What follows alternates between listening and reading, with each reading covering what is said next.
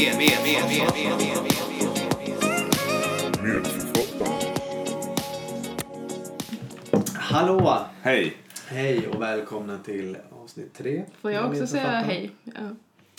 Vill du säga hej den här gången? Jag vill säga hej. Hej. Nu har alla sagt hej. Eh, ja, det här är avsnitt tre om Medförfattarna. Vi sitter på samma plats som vanligt. Eh, hos mig. Ja, i Lund. Ja, I ett kök. i ett kök, ett poddkök. Eh, och tänkte ta er igenom tre studier idag också. En eh, ny och fräsch, Yes. en gammal och viktig Mm. och en lite udda studie. Yes. Och så stänger vi av mobiltelefonerna. Ja. Eh, ja, hur är det med er?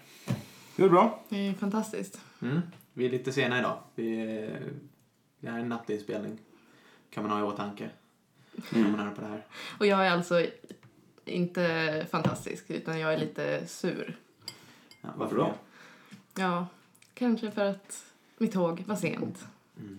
Och det är ju kanske något, en liksom förlust man ska räkna med, men jag var inte beredd den här gången. Nej. Ja, men desto bättre att det blir, blir av ändå. Ja, Men, ändå, men ändå taggade. Absolut. Ja, ja, ja. Mycket. Det det, är ändå många som har lyssnat. Ja, visst. Nästan Många. 250 personer. Många fler än jag trodde. det kan vi säga. Till och med Väldigt något så fler. långt som Nairobi. Ja, det är spännande. Hej, hej Nairobi. Good morning! Good morning Nairobi. Ja. Ja. Men eh, det var väl egentligen det. Mm. Ja, Vi kan väl köra igång direkt, rakt in i... rakt in i gröten. Mm. Ja. Det tycker, vi, tycker jag. Och jag tycker vi börjar med, som vi brukar, med den eh, gamla viktiga. Ja. Eh, Och det här är en, en studie som eh, skrevs på 80-talet. Men vi börjar ännu längre tillbaka i tiden på, jag vet inte, romarnas tid. Så kanske man... Oj, det var ett... Redan de gamla Ja, grekerna. redan de gamla grekerna hade problem med, med magsår. Tror jag. Det har jag faktiskt ingen källa på. Men där får vi anta att man haft problem med magsår i alla tider. Och eh, det har ju alltid varit allmänt känt att det beror på stress och kaffe och stark mat och sådana saker. Även grekerna. Även grekerna trodde det. Och, Den är lite stark den här souvlakin. ja, precis. Så alla, alla andra förklaringar har alltid liksom skjutits i sank. Att det skulle bero på att det skulle finnas någon annan förklaring. Och ehm, nu tänker jag att nu kanske ni redan börjar fatta vart jag är på väg. I alla fall på, på sent 1800-tal så var det faktiskt någon forskare som upptäckte några spiralformade bakterier i magen på, på kadaver då, som man hade hittat. Som han hade hittat. Ja, inte vet jag var han, han hittade dem. Men, men, eh, Bakterierna eller kadaverna. Men och hittade de här spiralformade bakterierna och eh, tänkte att men i magen kan ju ingenting leva. Det var ju allmänt, det, var, det hade man ju konsensus eh, om att ingenting kan leva i den sura miljön i magen. Så de bakterierna måste ju ha kommit då post mortem. Många oklara konsensusbeslut som bara togs på uppstuds. Ja, av de gamla grekerna. Men det låter Eh, logiskt. Så det, det, ja, de tänkte man, de kom ju dit efter döden. Man, man kunde inte göra gastroskopier då på 1800-talet. Men eh, på 40-talet så fanns det en, en kardiolog i, i Beth Israel Hospital i Boston som var Harvard-affilierad på något sätt. Han hette Abram Al Stone Friedberg, alltså Dr. Friedberg. Han var kardiolog. Han var kardiolog, ja.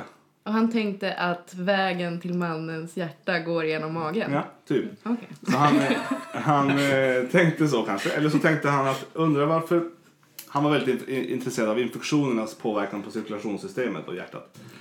Och eh, Och började med magen. nej, men tydligen så fick ganska många av hans patienter blödande magsår. Jag för, ja, det, det Och då jag tänkte ha han att eh, det här vill jag ju veta mer om. Och då kunde man, då har det ju hänt en del då sedan 1800-talet.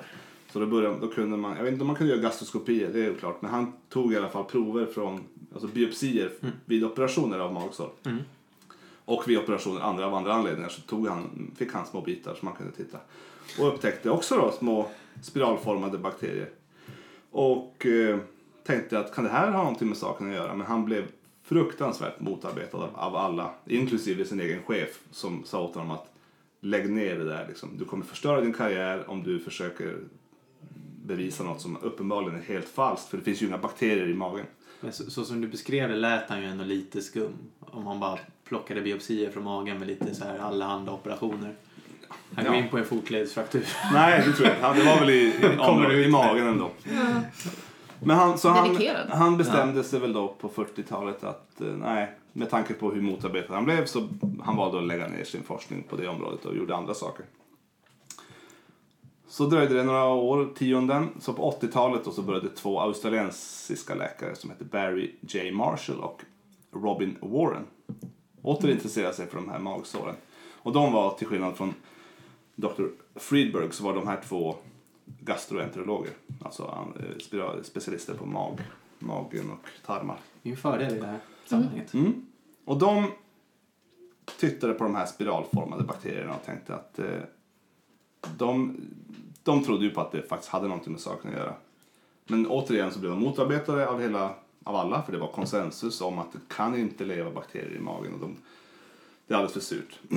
Men nej, Ja. får bara skjuta in en fråga? När var det man kom in, eller man kom på alla de här bakterierna som lever på helt sjuka ställen? I typ varma källor och Varma sånt. källor och man hittar... Typ under havet och så Mm. här. Ja, precis, så alltså, lever på någon konstig i, cyanidväte i och en vulkan och så här. Och så bara, men i magen. där. Där, där drar jag faktiskt gränsen. Det nej, det där är ju Det utanför vårt var- område. Men, Man kanske hittade dem senare Ja. också, alla de här. Det är möjligt att, att man... Fast arkeer känns ju som att man har vetat att de Ja. finns hur länge som helst. Ja, oklart. Men i alla fall så var de blev också motarbetade. Inte lika mycket kanske som Dr. Friedberg blev. Mm. Men i alla fall, de hade rätt många patienter med svåra magsår som behövde opereras och så. Men de började behandla dem med antibiotika, de här två australiensarna då. Och det funkade ju. Så de kände sig ännu mer säkra på att det, det är, ju, det är, någon, det är någonting bakteriellt. Så de kunde liksom skjuta på operationer och i vissa fall slippa operera patienterna. För att de blev friska på, på antibiotika. För visst var det ganska, det var liksom ganska stora operationer man gjorde också på liksom magsårsindikation. Alltså man kunde bli liksom typ invalidiserad för livet. Alltså det blev, det var ganska liksom stor grej att få en magsårsoperation. Man kunde ta bort stora delar och få massa liksom Mm, biverkningar, eller så här komplikationer. det var inte bara in och sluta. Nej men det var inte som att man precis så här, sydde ihop eller tog bort en liten bit utan det var liksom stora delar av magsäcken som man fick Ja, offra Som liksom. man tog bort, ja. Mm. Ja, eh, i alla fall så lyckades de här två pe- personerna och säkert ett stort team av kollegor isolera den här bakterien. Bakterierna, de här spiralformade bakterierna. Och eh, de kallade, då för en, de kallade den för Campylobacter pylori. Det låter ju lite konstigt, det är något som inte stämmer. Campylobacter pylori. Det kommer Ja. inte. Eh, den såg väl ut som en Campylobacter antar jag. Någon Och, eh, Men den satt ju pylorus kan man ju tänka Ja, också. så, precis. I alla fall, så de fick ut den och lyckades odla upp den. Men hur de än försökte så lyckades de inte liksom infektera sina försöksdjur. Vad de nu hade, grisar kanske. De, de lyckades aldrig med det. Så den 12 juni 1984 så tog den här Barry Marshall saken i egna händer. Just Eller till och med det. i egen, Vilken dag e- egen mage. 12 juni 1984. 12 juni 84. Ja. Stor dag. Så då tog han den här, en shot med Campylobacter eller pylori, eller som vi nu kallar den då sen 90-talet, för Helicobacter pylori. Innan han gjorde det så tog man en gastroskopi på honom och säkerställde att han hade en frisk magslemhinna. Alla biopsier var utan anmärkning. Och eh, han drack sin shot och efter det fick han inte dricka någon alkohol och inga mediciner fick han ta under eh, tiden de höll på att utvärdera det här. Och han trodde att det skulle ta veckor eller månader om det, om det ens skulle hända någonting.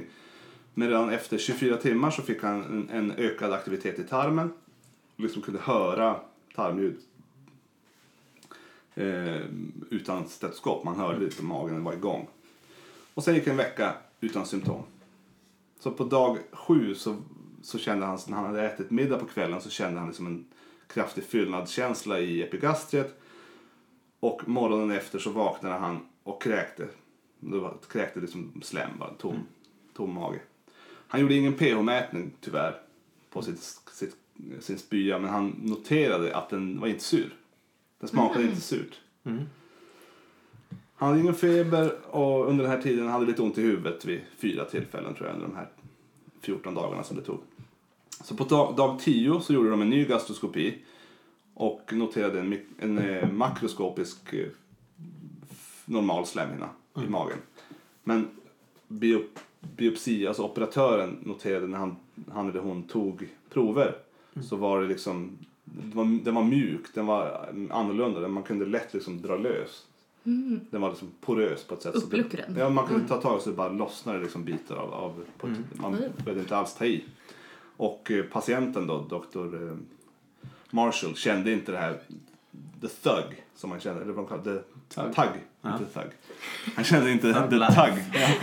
Han kände inte att det drog som han hade gjort förut. När man tar tag och drar det så den känslan var borta så det liksom lossnade väldigt lätt.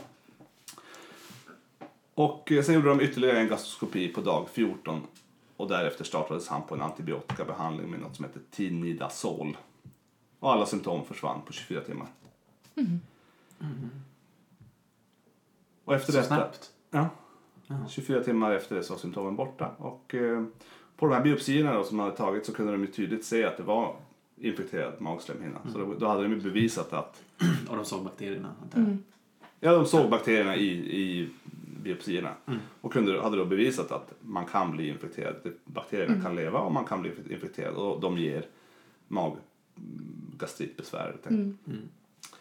Och ehm, efter det här då, de fick ju med det här då i en eh, tidskrift som heter eh, med, eh, Australian Medicine, vad heter den? Det? Ja, en australiensisk medicinsk tidskrift. Så ganska lokalt, ganska litet. Ja, säkert ganska stort i Australien men Ja. inte världsligt vet jag inte.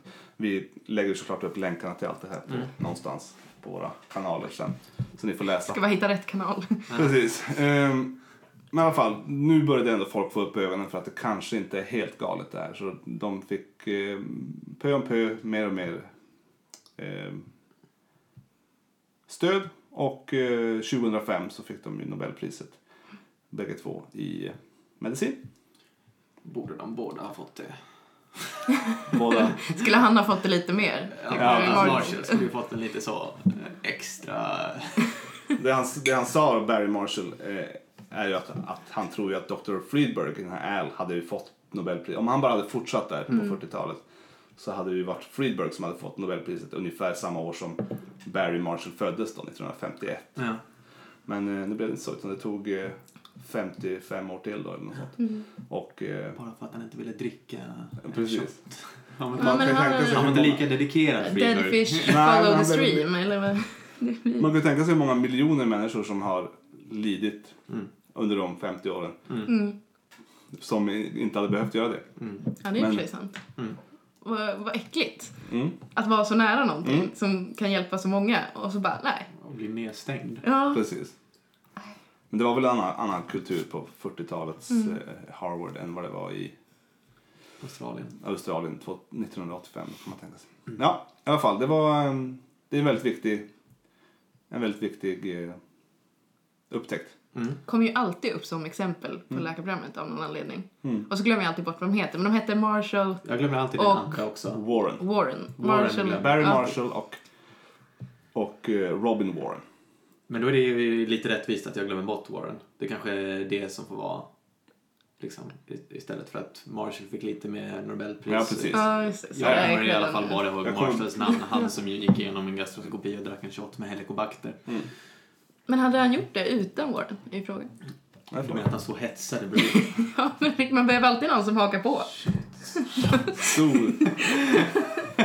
Men man blir väldigt så här ändå inspirerad av de här som verkligen så här bara, nej, vet ni vad, jag testar det här på mig själv. Mm. Men samtidigt är det ju lite, alltså, Sjukt. ja, gränsar ju till någon sorts galenskap. ändå. Mm.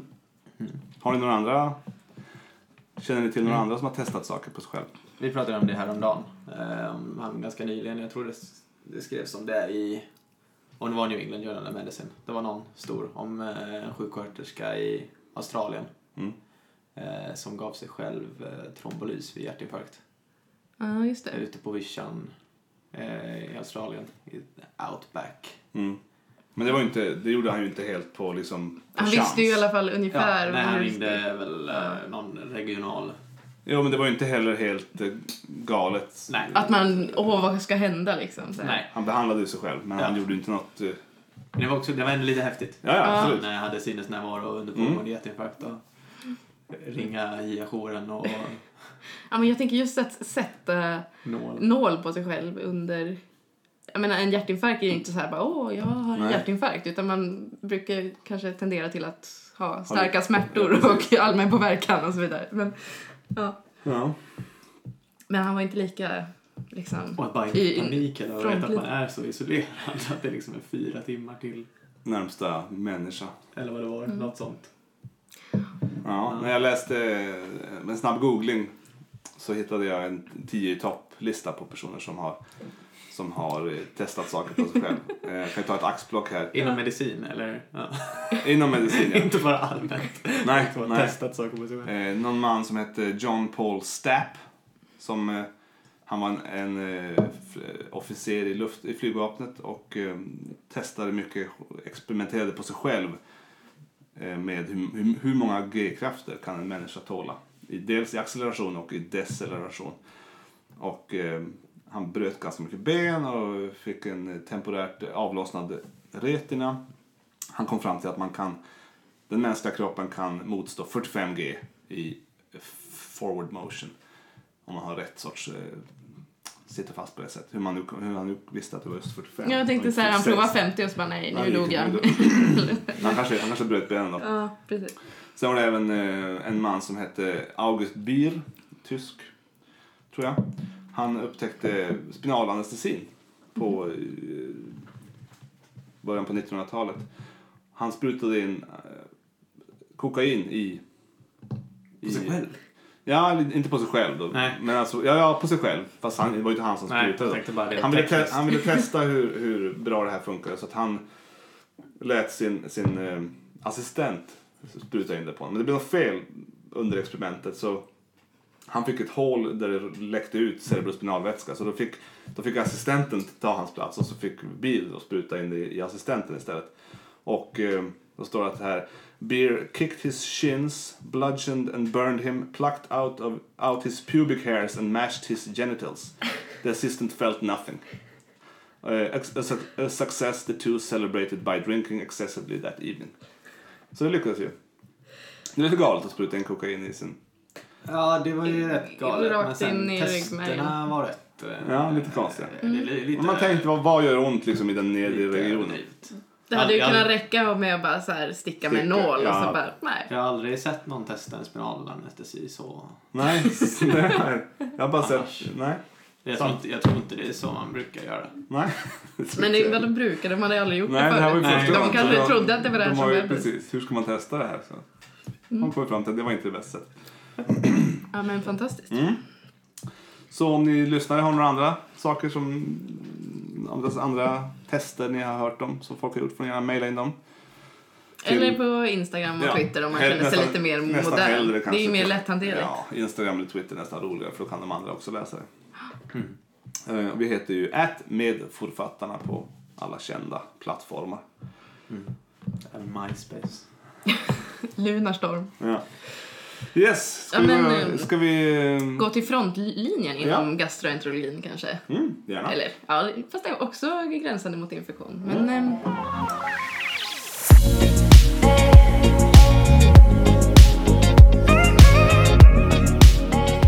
ehm, gastro, kul. Mm. Ja. Jag ska ju jobba med det här. Så det är kanske därför jag har också valt att snöa in mig här så jag ska ha lite fördelar i sommar. Att få prata om Över sommaren. Ja, över sommar ska jag bara jobba med det här. Sen vet man aldrig. Men eh, i sommar blir det avföring.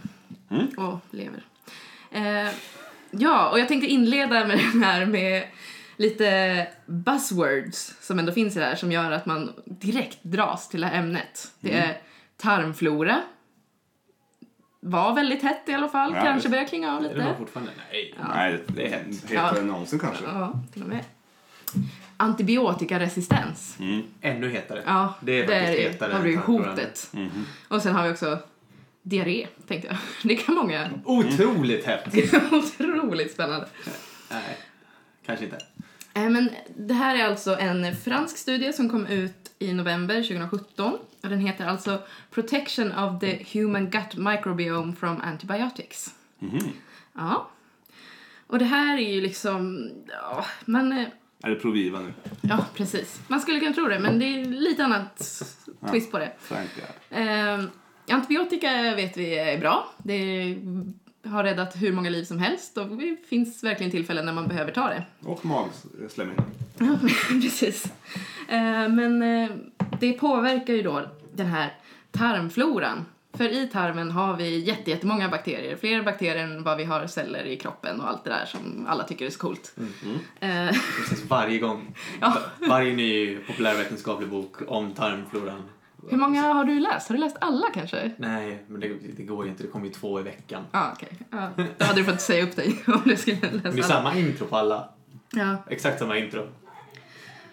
Men det är liksom...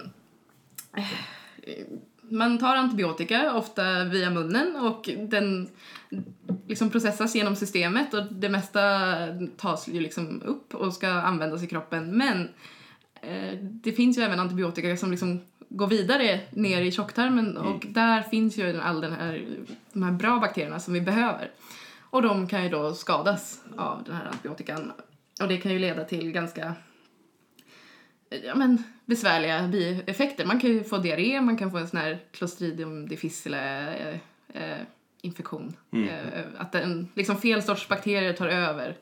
Och vi behöver ju de här bakterierna för att liksom, ja men, de bryter ner, vad heter det, restprodukter, vitaminer. Mm. Ja, och Och de, Ja, säger för immunförsvar. Ja men precis, de tränar immunförsvaret och det skyddar ju även liksom så att dåliga bakterier inte får fäste liksom Mm. för att de tävlar om maten och sådär. Och sen har man ju ändå sett liksom kopplingar till vad man har för tarmflora till typ allergi, eh, metabolism och liksom Mm. allmän lycka. Nej men det är så här. de, jag- den forskargruppen jag var hos i USA. På Yale måste jag ju då inflika. De bl- publicerade ju nyss i Nature med någon eh, jättestor eh, studie om att de hade hittat någon koppling mellan något visst eh, bakterium och eh, lupus SLE. Mhm. Någon viss bakterie Alltså- man har eller inte har i tarmen. Som man har, som Ja. kan translokeras genom tarmslemhinnan och på något sätt orsaka SLE. Oj. Så det finns mycket där. Men det var en dålig del av Ja, tarmfloran då. så den- den Det var en dålig del. Den kan man döda. Den. Ja, nej, men, och då har man ju liksom funderat på så här, men hur kan vi stoppa det här? Och så börjar de tänka att hmm, vi har ju ändå någonting som vi brukar använda eh, inom läkekonsten för att plocka upp saker som vi inte vill ska finnas i mag-tarmsystemet. Som man använder till exempel på akuten. Kol. Ja, Jaha. Vitkål. Ja. vitkål. Aktivt kol. Aktivt kol, precis. Ehm, eller medicinskt kol kan man också kalla det. Men aktivt kol används vid förgiftningar liksom, för att absorbera upp saker som inte ska vara vad är där. det som är aktivt i kolet? Alltså, jag har ju läst på det här och då hamnade jag på en sida om hembränning, måste jag ju säga. eh, ehm, men för det kan ju då även användas vid framställning av vissa saker. Eh, men det aktiva som jag fattar, det är ju att det kan binda så himla bra till saker. Och det enda anledningen är att det är så otroligt finfördelat, så det har en väldigt stor yta. Så att, och den här stora, stora ytan, då gör det att de här van der Waals krafterna ja, blir väldigt tydliga och då kan det liksom binda upp grejer. Så det hade kunnat vara vad som helst som är finfördelat. Ja, men det är det jag börjar fundera Eller? på. Man ska ju helst typ inte tycka att det är så, alltså man ska ju kunna det ska ju helst vara organiskt också så att man inte liksom mår men- dåligt av att äta det. Jag tänker, nu tänker jag igenom vetemjöl på akuten. Ska vi göra en egen studie? Jämföra aktikol vetemjöl. Det Ja. finns säkert mycket, mycket mer där, men jag är inte kemist eller Nej. något sånt där, så det var min förklaring. Okej. Eh, men grejen är ju då att man var ju tvungen att hitta något sätt för att det ska ju inte liksom, man kan ju inte ge aktivt kol samtidigt som man ger antibiotika liksom, för då kommer du ju inte få då kommer det binda upp antibiotika direkt och du kommer inte få något ut i blodet. Och det är ju också väldigt dåligt om du har en infektion som ska behandlas. Mm. Så nu har de här franska forskarna hittat en speciell pelletsform av aktiv kol som de kallar DAV132. Bra namn. Ja, väldigt catchy. Mm. Eh, men, och det här är liksom gjort oss för att det ska liksom eh, aktiveras eller liksom smältas så att det börjar eh, komma till liv någonstans i säkum och övergången till kolon då. Eh, och det här testade de då på 28 friska frivilliga och de randomiserades då till att antingen få bara moxifloxacin, alltså det är ett av mina favoritantibiotikanamn, Eller att få Moxiflox och det här då, DAV132. I samma ampull eller? Nej, utan eh, samma tidpunkt. separat. De tog det här eh, pelleten, aktivt kol, tog de lite före Ja, varje här. lite headstart. Eh, och så fick de ta det här med moxifloxacinet i fem dagar och sen och de andra fick ta det också moxifloxacin i fem dagar. Och så tog de typ det här aktiva kolet i sju dagar så. Och lite ganska ofta ändå men eh, och så skulle de liksom kolla så här okej blir det samma koncentration av antibiotika i blodet? Och hur mycket antibiotika har vi i avföringen? Och vad händer med tarmflora? Och det var ju faktiskt ganska, gick ganska bra för dem. Eh, att det blev en liksom mer än 99-procentig minskning av liksom fekal moxiflox-koncentration. Så att liksom exponeringen blev ju väldigt mycket mindre eh, alltså för tarmfloran Ja, mot sjukt. antibiotikan där. Sen så, ja, jag fattar, jag kollade på det här och det var något med area under the curve och hej och det där kan inte jag. Men ni, mer, mer än 99 Det procent skulle ju kunna bero på i alla att fall. allting har, tagit, att allting har bundits upp. Mm. Eh, även det som skulle i blodet. Men jag antar att Ja, precis. Och där kommer vi nu då att det var... Eh, nu ska vi se mina siffror här. Eh, det var liksom ingen skillnad, signifikant skillnad i plasmakoncentration. Så det var samma liksom. Så att det hann liksom gå hela sin väg, tas upp och via liksom vanliga tarmen och så. Eh, och när man tittade sen på liksom den genetiska rikheten, Variationen. richness, ja, i tarmfloran så hade den liksom minskat med hälften i de som bara hade antibiotikat. Eh, Medan i eh, den aktivt kolgruppen så var det 97,8 procent kvar. Så att det var ju liksom en mycket mindre påverkan på det. Och man såg även i de här som bara tog antibiotika så hade det liksom, de följde upp dem typ till dag 37 och då hade liksom tarmfloran fortfarande inte återhämtat sig. Så det är ju en ganska långvarig Ja, påverkan exakt. då. Så. Eh, Så det här är ju liksom bra. Och de hade ju testat att bara ge liksom den här aktiva kolet till några personer också. Och de fick liksom inga rapporterade biverkningar riktigt. Så, så att det verkar ju kunna vara ett ganska säkert eh, sätt ändå. Och det är ju lite coolt för att då har man ju verkligen någonting att, Alltså samma som jag tänker att man sätter in Omeprazol när någon, många har så här, liksom eh, läkemedel som ska, kan skada eh, magsäcken. Ja. Ja, så kan man, skulle man kunna ge det här. slänga på lite ofarligt, Ja. ofarligt kol. Men sen har man liksom inte man har ju inte testat om det här liksom påverkar eh, Clostridium difficile risken och kan det påverka övriga läkemedel, hur de tas upp. Alltså så här, Ofta tar du ju inte bara ett läkemedel. Nej. Liksom. Och det här gäller bara moxifloxacin kanske Ja, också. precis. De borde ju, man måste ju kanske testa på fler. Mm. Men Moxiflox Men är ju ett ganska brett Mm. antibiotika som påverkar anaerober också. Så det, borde, det är ju liksom vettigt att använda det för det Mm. påverkar verkligen tarmen. Spännande. Ja, jag tycker det är liksom... Hur, hur, när var den här skriven? Eh, den kom ut 2017 så det är liksom Mm. ändå i startgroparna sådär. Det, sen är det klart ett långt tag kvar men Så kommer det väl nya, kan man tänka sig. ja. Så lägg DAV132 på minnet. Då får man jobba lite på Ja, de det. måste ha ett, har ni, har ni, har ni namn Men det var bara aktivt kol som de kallade för det. i pelletform? Ja, inom, alltså de har säkert gjort massa... Svårt att ta patent på det. Ja, men de, de måste ju ha processat det på något mer Ja. sätt. Men, Ja, de måste ju ha lagt till någonting i den här pelleten. Så ja, och jag tror inte de gick inte riktigt in på det heller i, i liksom fulltexten. Så de har säkert gjort något lite hemligt som de Säkert. kan ta. Men jag tänker det finns väl många läkemedel som har ett hölje av Mm. någonting som gör att de ska antingen Mm. pass- de ska klara sig förbi till exempel mag, den sura miljön i magen Mm. för att komma ner och inte... Men de måste ju ha någon eh, hook som gör att de får patent. Ja. Och sen, jag Måste kommenterade inte det här med antibiotikaresistens. Mm. Men det är ju det att om du får antibiotika i tarmen så kommer du liksom selektera fram Mm. resistenta sorter i tarmen. Och om du då inte har, får dit antibiotikat och dödar av så kommer det liksom också minska problemet med Mm. antibiotikaresistens. Det är ju tanken då. Spännande. Ja. De kommenterade inte det. Jo då, det Ja, kommenterar jag de. Men jag, jag hade tappat tråden och nu tog jag upp den väldigt Ja, fint på ja, slutet här. Jag tänkte att de har missat den fördelen. Det här är inte så... Varför är, det, så- varför är det här bra? Ja, Varför vi det gjort här är det? knappt något värt att publicera. Ja. Sen får de sina första reviewer-kommentarer. Lägg till något litet om antibiotikaresistens. kan vara viktigt. Kan spela roll. Ja, det var jättespännande. Tyckte jag. Ska vi ha en jingel? Eh, Det tar vi Nu!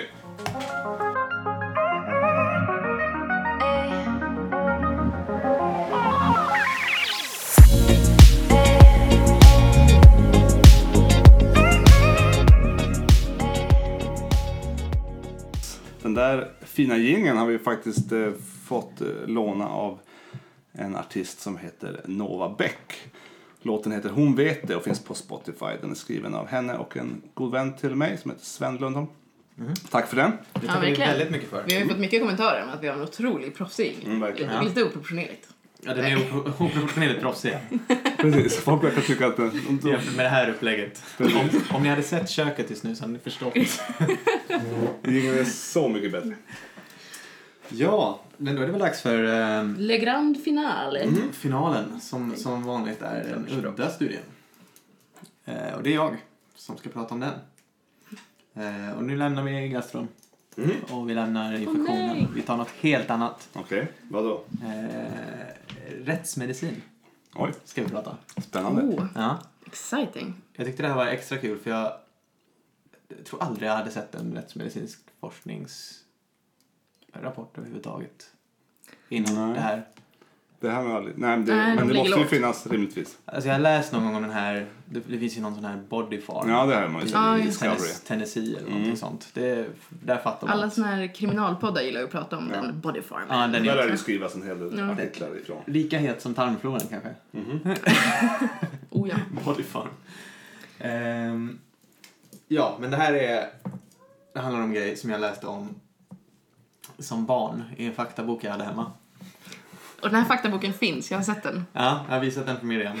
Ja. Eh, det var en ganska konstig bok. Med bara massa, en barnbok med massa fakta. Men det var ju, det, så här, i efterhand så var det ju ganska... Det, det var mycket så här övernaturligt. Okej. Men det var fakta alltså. Eh, Ja, det var nog alternativa fakta. Före, före Jag hoppas du har någon tiden. sorts eh, studie också som vi kan lä- lägga till. Inte bara den här Ding Ding Värld. Nej, jag har, jag har mer. Ja. Ja, men så här bland massa ufon och militära projekt och Bermuda-triangeln och sånt där så stod det också om,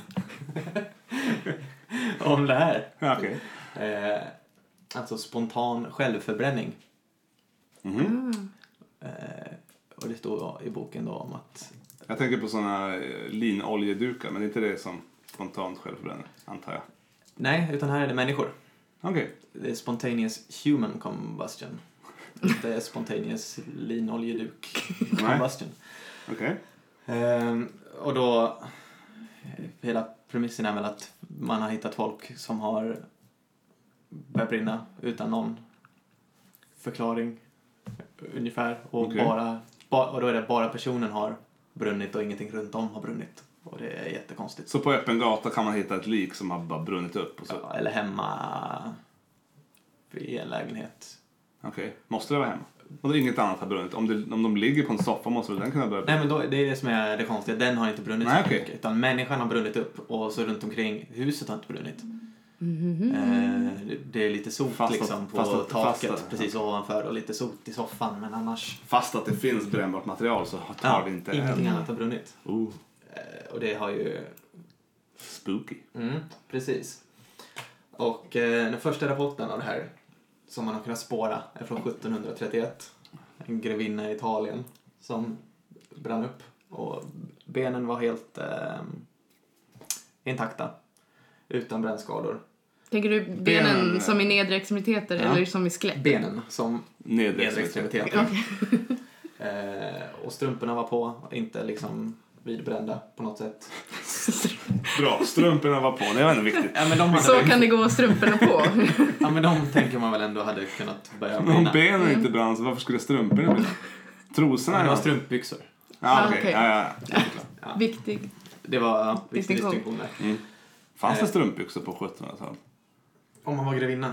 Ja. men Ja. det- s- s- Någon sorts- Någon tycker att sorts det- långa strumpor. Ja, vet. Jag tycker vi ändå vi har hamnat lite Ja, off okej. topic här, möjligen. Historiepodden. Historiemodepodden.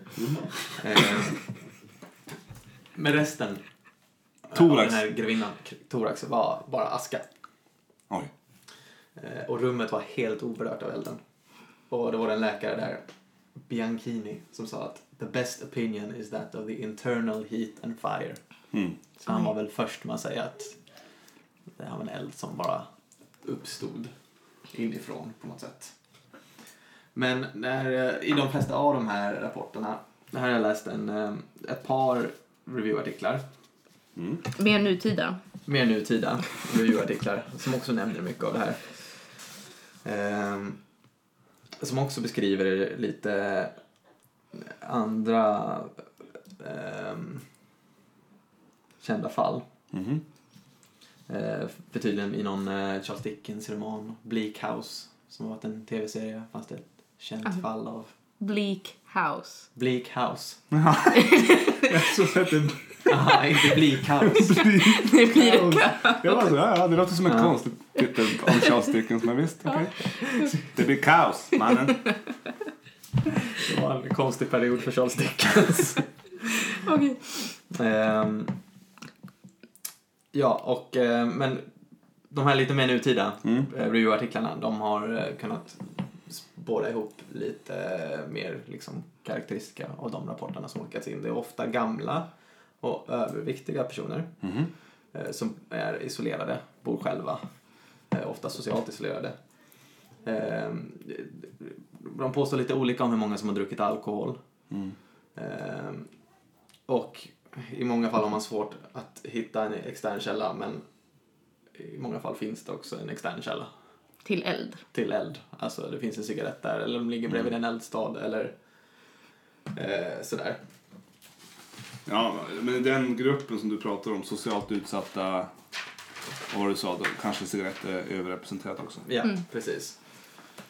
Ehm, och ehm, det som jag tycker är sjukt med det här, det är att det fortfarande pågår en, att det känns som att det fortfarande pågår en diskussion. Det kommer nya reviewartiklar. Eh, är väl det som jag tycker är sjukt. Det känns ju som en grej som borde ha helt avfärdats för länge sedan. Alltså så sent som 2011 och 2017 så har det liksom förekommit fall där folk, rättsläkare, har hävdat att det handlar om spontan självförbränning. Mm.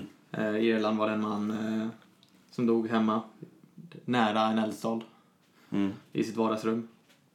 Eh, där rättsläkaren hävdade att det berodde på spontan självförbränning för han inte hittade någon annan orsak till, Mm. eh, till elden. Det var bara, elden hade bara brunnit i vardagsrummet och bara kroppen och golvet precis under honom och taket precis ovanför honom. Eh, och någon 2017 som brann på gatan. Där polisen fortfarande, tror jag, letar efter vittnen Mm. som också var lite sådär. Det var bara han som brann. Men där fanns det ju ingen, ingen källa till... Om den här personen inte gick och rökte, det vet man inte. Men det ska, jag tänker ju att det ska ju väldigt mycket till för att man, en cigarett, den är väldigt varm. Mm. Men det är ju det är ju relativt, eller väldigt liten yta. Det är ju hög energi men på en väldigt liten yta. Så att det skulle Mm. kunna tända en, Jag tänker att en du... människa på öppen gata som brinner upp. Okej, man kanske råkar bränna sig på den men... Men tänk om du är lite borta i huvudet då? Det finns ju ändå personer Ja, som kan- går runt precis. oss och kanske stoppar en tänd cigarett i fickan till Ja. Nej men eh, vad säger vetenskapen? Ja, Förlåt, jag ska nu- sluta spekulera. Sen hittade jag en artikel som kunde liksom städa upp det lite. Mm. För det blev väldigt konstig läsning. Eh, och då finns det en litteraturöversikt som heter Spontaneous Human Combustion in the Light of the 21st Century som faktiskt är publicerad i Journal of Burn Care and Research Mhm. av eh, en plastikkirurg faktiskt. Inte Eh, men det var någon Mm. eh, patolog som var med. Och de hade hittat eh, några beskrivna fall i litteraturen. Eh, och eh, gått igenom dem eh, noggrant. Kommit fram till att alla fall hade någon extern källa. Mm. Det fanns cigaretter, det var tändstickor i närheten. Det var ehm, ja, en eldstad i närheten som är 41% var alkoholpåverkade, alla bodde ensamma. Eh, och ungefär 50% hade sot i luftvägarna då som ett tecken på att de levde när det började brinna. Men många hade antagligen dött av något annat innan. Mm. Och som de kommenterade också så är det ju svårt att fastställa en dödsorsak efteråt. När man har brunnit Såklart, upp. när mycket har brunnit. Såklart. Alltså det blir väl lite, det finns väl säkert Ja, det är ett svårt svar att... där som har Ja, ja. brunnit upp så att säga. Precis. Men då har ni lite på, för det finns massa olika teorier till, eh, till det här. Alltså förklaringsmodeller Förklaringsmodeller. Mm. till varför man skulle kunna brinna. Eller, Ja, till, ja. till det här konstiga sättet att brinna, liksom att det bara är kroppen som brinner. Mm. Eh, inget annat brinner. Och de är väl olika bra. Mm. Varierande kvalitet. Mm. Eh, gamla teorier är att det var ett sätt att straffa eh, ett straff från Gud, från Mm. Gud mot överviktiga människor. Ja. Ja, just Var en väldigt den gammal där- teori. Gluttony, eller vad är det? är väl en, eh, Nej, nej, synd. Precis. Då var Det, man tänkte det att det stod i proportioner. Då. Mm. Ja. Ja, kanske det man tänkte på. Dödssynd. Ja. Det finns en väldigt lång bok om någon som eh, har hittat på pyrotroner som är en subatomisk partikel som är anledningen till det här. Det låter lite Mm. sjukt. Men det finns eh, rättsmedicinare som har gjort försök också. Eh, och eh, egentligen suttit i ett labb och tänt eld på fett. Mm. Verkar vara ungefär vad den här personen håller på med. Mm. Dehan i Kalifornien som har tänt eld på massa fett. Eh, med eh, lite prober. Ehm, han beskriver i en artikel att han tänder eld på kyckling, fläsk och människa. Mm. Ehm, lite större bitar av människa. Människa i bomull. Ehm, Människa i polyester. Ja, lite, lite, ja, det är väldigt konstiga studier. Mm. Väldigt torftigt beskrivet såklart allting. Men Han hettar upp de här köttbitarna, till, Ja. eller fe- fettbitarna till, eh, tills de börjar brinna. Och för att se hur de brinner då. Precis, och för att se vad som frisläpps när man tänder eld på det här fettet. Mm. Där de hade en masspektrometer Mm. och mätte vad som... Fast då har du ju fortfarande externt tänt eld på. Mm. Mm, Mm. precis. Men eh, i litteraturöversikten så kommer de ju ändå fram till att det finns nog faktiskt en extern källa. Ja, just det. Och de kommenterar de ju också, externa källor kan också försvinna i elden. Just det. Mm. Det. Precis, det konstiga är ju kanske inte den externa källan utan varför brinner bara den kroppen och Ja, inte, inte det. resten. Mm. Och det fanns i fettet måste- om- om- Fettbrännare Om skelettet i den här grevinnans fall så var ju, som jag förstår det, allt var aska. Mm, precis. Då kräv, alltså en vuxen, fullvuxen Ja. persons skelett för att det ska bli aska krävs Kremering är ju det är 700 grader någonting Mm. Ja, i, en det tim, krävs i en det. timme. Ja. Ja, just det. Det är klart. Så det är en verkligen- Så att då inte golvet eller, eller Ja. väggen skulle ta Mm. eld är ju osannolikt. Ja. Så de hittade någon förklaring till varför en människa brinner så här? Eller? Precis, de Mm. här eh, Dehan eh, som tycker om att tända eld på saker. Mm. Han skrev väldigt apropå i någon eh, artikel bara in addition, alltså precis i slutet av metoddelen, Mm. beskrivit i en metod. In addition, a complete unembalmed human cadaver was placed in a house being burned for firefighter training. Mhm. Bara sådär. Bara för att. Jag förstår inte hur man får etiskt tillstånd Nej. man bara bränner saker i ett labb. Men om man har tillstånd till en body farm så kan man Ja, ha tillstånd ja. till det här. Men eh, då beskriver det han någonting som han kallar för wick-effekt, alltså som i ljusveke. Mm. Eh, och att det kroppsfett man har har egentligen ganska låg smältpunkt. Mm. Eh, så att det är smält vid ungefär 41 grader bara. Mhm. Ehm, och att om det då börjar brinna, om det finns en extern källa eh, till värme Mm. och huden börjar krack- krackelera så att de här eh, fetterna läcker ut Mm. i vätskeform Mm. och dränker tyget man har på sig Mm.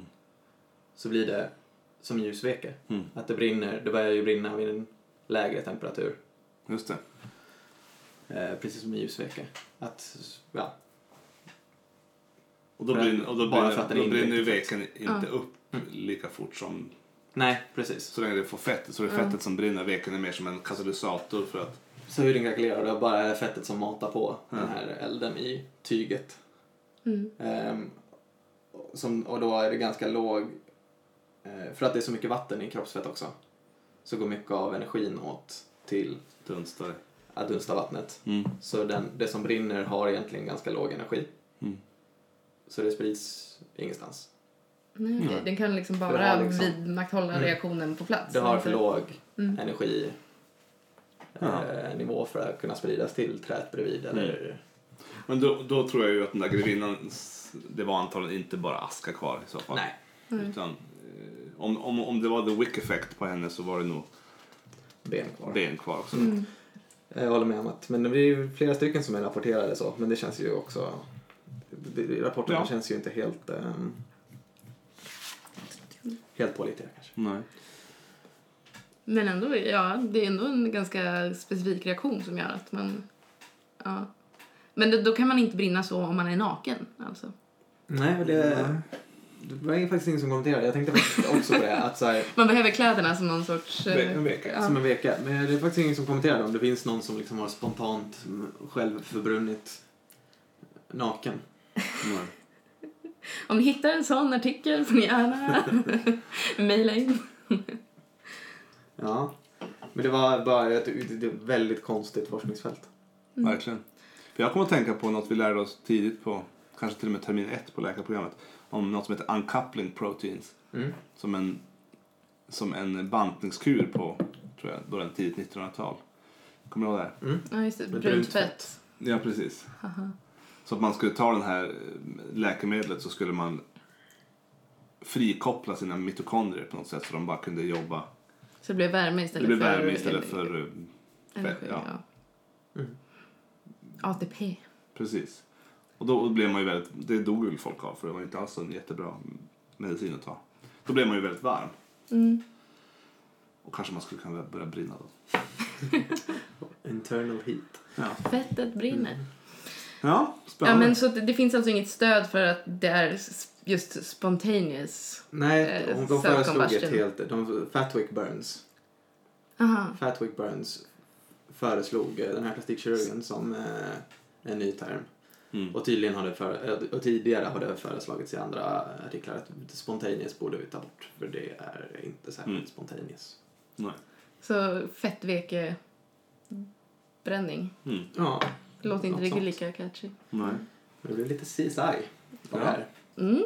Säsong 1 avsnitt 17 kom en spontan självförbränning i CSI. Har du varit med? Jag har varit med, ja. CSI jag var tvungen att kolla hur länge de kunde hålla sig. I vilken, i vilken 17 avsnitt hade också i skinnet. För att kunna... I Vanliga original. CSI. Original Las Vegas. CSI. Men nu måste ju du ändra hela din världsbild eftersom den här boken du läste i din barndom alltså hade fel. Nej men den var också lite kritisk tror jag. Den, Okej. den, den, den sa faktiskt också, om jag ska försvara boken nu, så sa den också att de flesta, eller den sa att de flesta hade druckit alkohol. Det stämmer ju inte, enligt, Nej, enligt henne. 40 procent. Man vill ju ändå inte, bara för att man dricker alkohol, börja brinna av sig själv. Det känns lite jobbigt. Ja, Ja, var det det? det var det. Ja. Härligt. Mm. Avsnitt tre. Bra jobbat. Kul att vara tillbaks. Ja, Och, igång. eh, då ses vi om två veckor igen då. Ja, vi ber lite om Ja, ursäkt för att det det. blev tre veckor. Vi måste kanske klargöra det att Mm. de här eh, två männen här bor ju då i Skåne, i Lund, snart Malmö i och för sig. Och jag bor ju då i Stockholm. Så att vi har ju lite logistik att få ihop. Så det är en person som ni kan skylla på, som ni hör. Ja, just det. Jag tar den. Men eh, om två veckor så tror vi att det ska bli i alla fall. Ja, ja, det då kör vi. absolut. Absolut. Ta hand om er. Ja, och mejla in till medforfattarna at gmail.com och eller Twitter och Instagram at medforfattarna. Hör av er med allt. Vi vill höra allt. Och följ oss. Jag Det jobbar ju på att det ska bli lite roligt material på Insta. Jag Mm. försöker i alla fall. Mm, bra jobb. Ja, mycket bra. Vi hörs. Ha det. Hej.